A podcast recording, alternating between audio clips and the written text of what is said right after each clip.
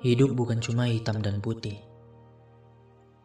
Terkadang bisa abu-abu gelap, abu-abu terang, atau bahkan dengan warna yang belum pernah kita lihat. Semua bisa benar ataupun salah, iya atau tidak, baik atau buruk. Namun di samping itu, selalu ada cerita yang tersimpan di belakangnya. Terkadang yang kita lihat bukanlah hal yang sebenarnya terjadi. Banyak senyum yang sebenarnya luka. Banyak tawa yang sebenarnya derita. Manusia memang pandai memanipulasi rasa. Mungkin tidak ada salahnya apabila kita sekali-kali jujur, terlebih kepada diri sendiri. Tak apa.